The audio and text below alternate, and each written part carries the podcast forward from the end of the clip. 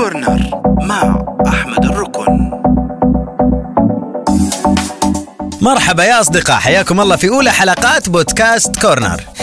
هالبودكاست أو هالبرنامج اللي راح نتناول فيه شوية أخبار خفيفة لطيفة راح نحاول قد ما نقدر إنه نضحك ونستانس وننبسط. اتفقنا؟ هيا بنا. البداية راح نشوف هالخبر الغريب. هالكلام حصل في أمريكا يا جماعة في واشنطن. في امرأة توفت رحمة الله عليها أخذوها كفنوها وضبطوها وغسلوها وحطوها في ثلاجة الموتى. بس فجأة الآدمية قررت إنها ترجع فشعروا إن الآدمية قاعدة تتنفس.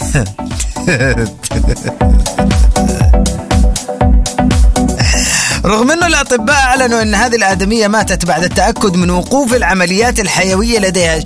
شيكوا على الادميه هذا شغال هذا شغال هذا شغال. ما فيها شيء شغال. انتهت المرأة. حطوها في ثلاجة الموتى بعد ما مروا على ثلاجة التشريح. لكن لما راح واحد من العاملين حقين المستشفى عشان يتحقق من الجسم اللي في الثلاجة لقي إن المرأة هذه قاعدة تتنفس. أثبتت التقارير إن المرأة كانت من بين عدد من الأشخاص اللي صار لهم حادث في سيارة في 24 يونيو في جنوب السودان. وإنه المفروض إنها تموت معهم ولكن اكتشفوا بعد ذلك إنها ما شاء الله تبارك الله ما زالت على قيد الحياة. هنا تتذكر المقولة الدارجة عندنا ها؟ هذا أبو سبع أرواح. هذه أم سبع أرواح. الله يطول في أعماركم يا جماعة.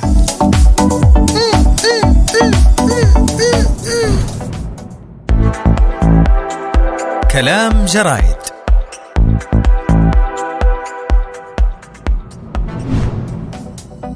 أعلنت الشرطة الهندية يا جماعة أنه أمروا عناصر الشرطة أنهم يخففون أوزانهم وإذا ما خففوا أوزانهم راح يوحشونها ما راح يشتغلون في الشغلانة ليش؟ لأنه كان في تاجر مخدرات سريع. يجري يجري كويس الجماعة. فما قدروا يلحقوه عناصر الشرطة لأنه أقل واحد فيهم زايد 30 كيلو. كلهم مكرشين وأوزانهم زايدة فما قدروا يلحقوا. تاجر المخدرات هذا فقرروا جاهم قرار وزاري من فوق أنه ترى إذا ما نحفتوا أنتم راح تطلعون من هذه الشغلة تماما.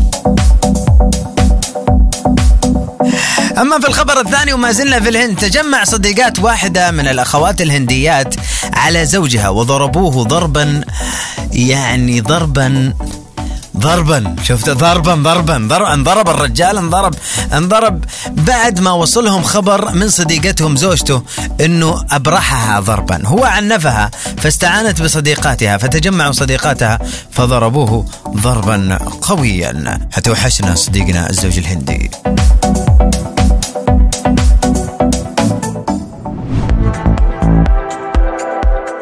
قصة نجاح.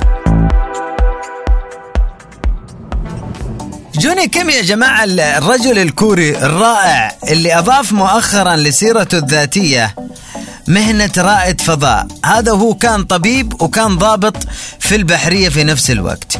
جوني كيم تخرج قبل كم يوم من تدريب لمهمة سترسله مع 11 من رواد الفضاء الآخرين للفضاء الخارجي والرجال راح يدخل التاريخ كونه أول رائد فضاء لناسا أمريكي من أصل كوري وراح يشرع في مهام إلى محطة الفضاء.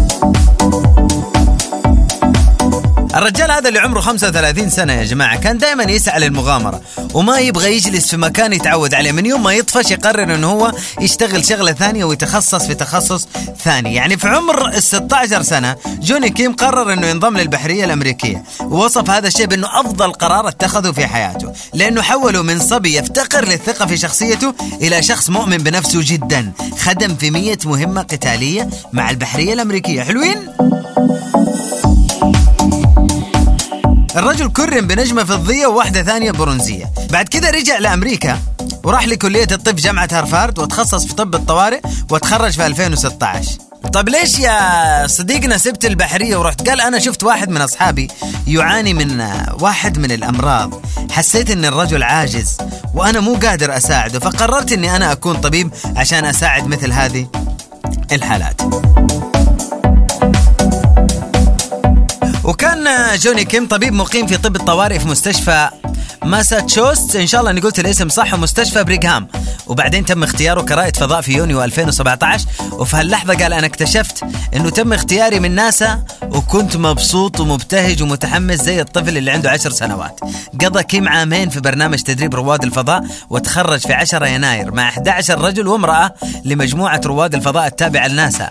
22 من بين 18300 متقدم في عملية التدريب المرهقة. اليوم جوني كيم جندي وطبيب ورائد فضاء. كده نكون خلصنا من أولى حلقات بودكاست كورنر إن شاء الله الأسابيع الجاية نلتقي بحلقات جديدة وحركات جديدة ومستمتعين دائما بإذن الله. ولا تنسوا تتابعوني على اليوتيوب في قناة ألف ألف FM وأبل بودكاست وأنغامي وجوجل بودكاست وسبوتيفاي وأمازون.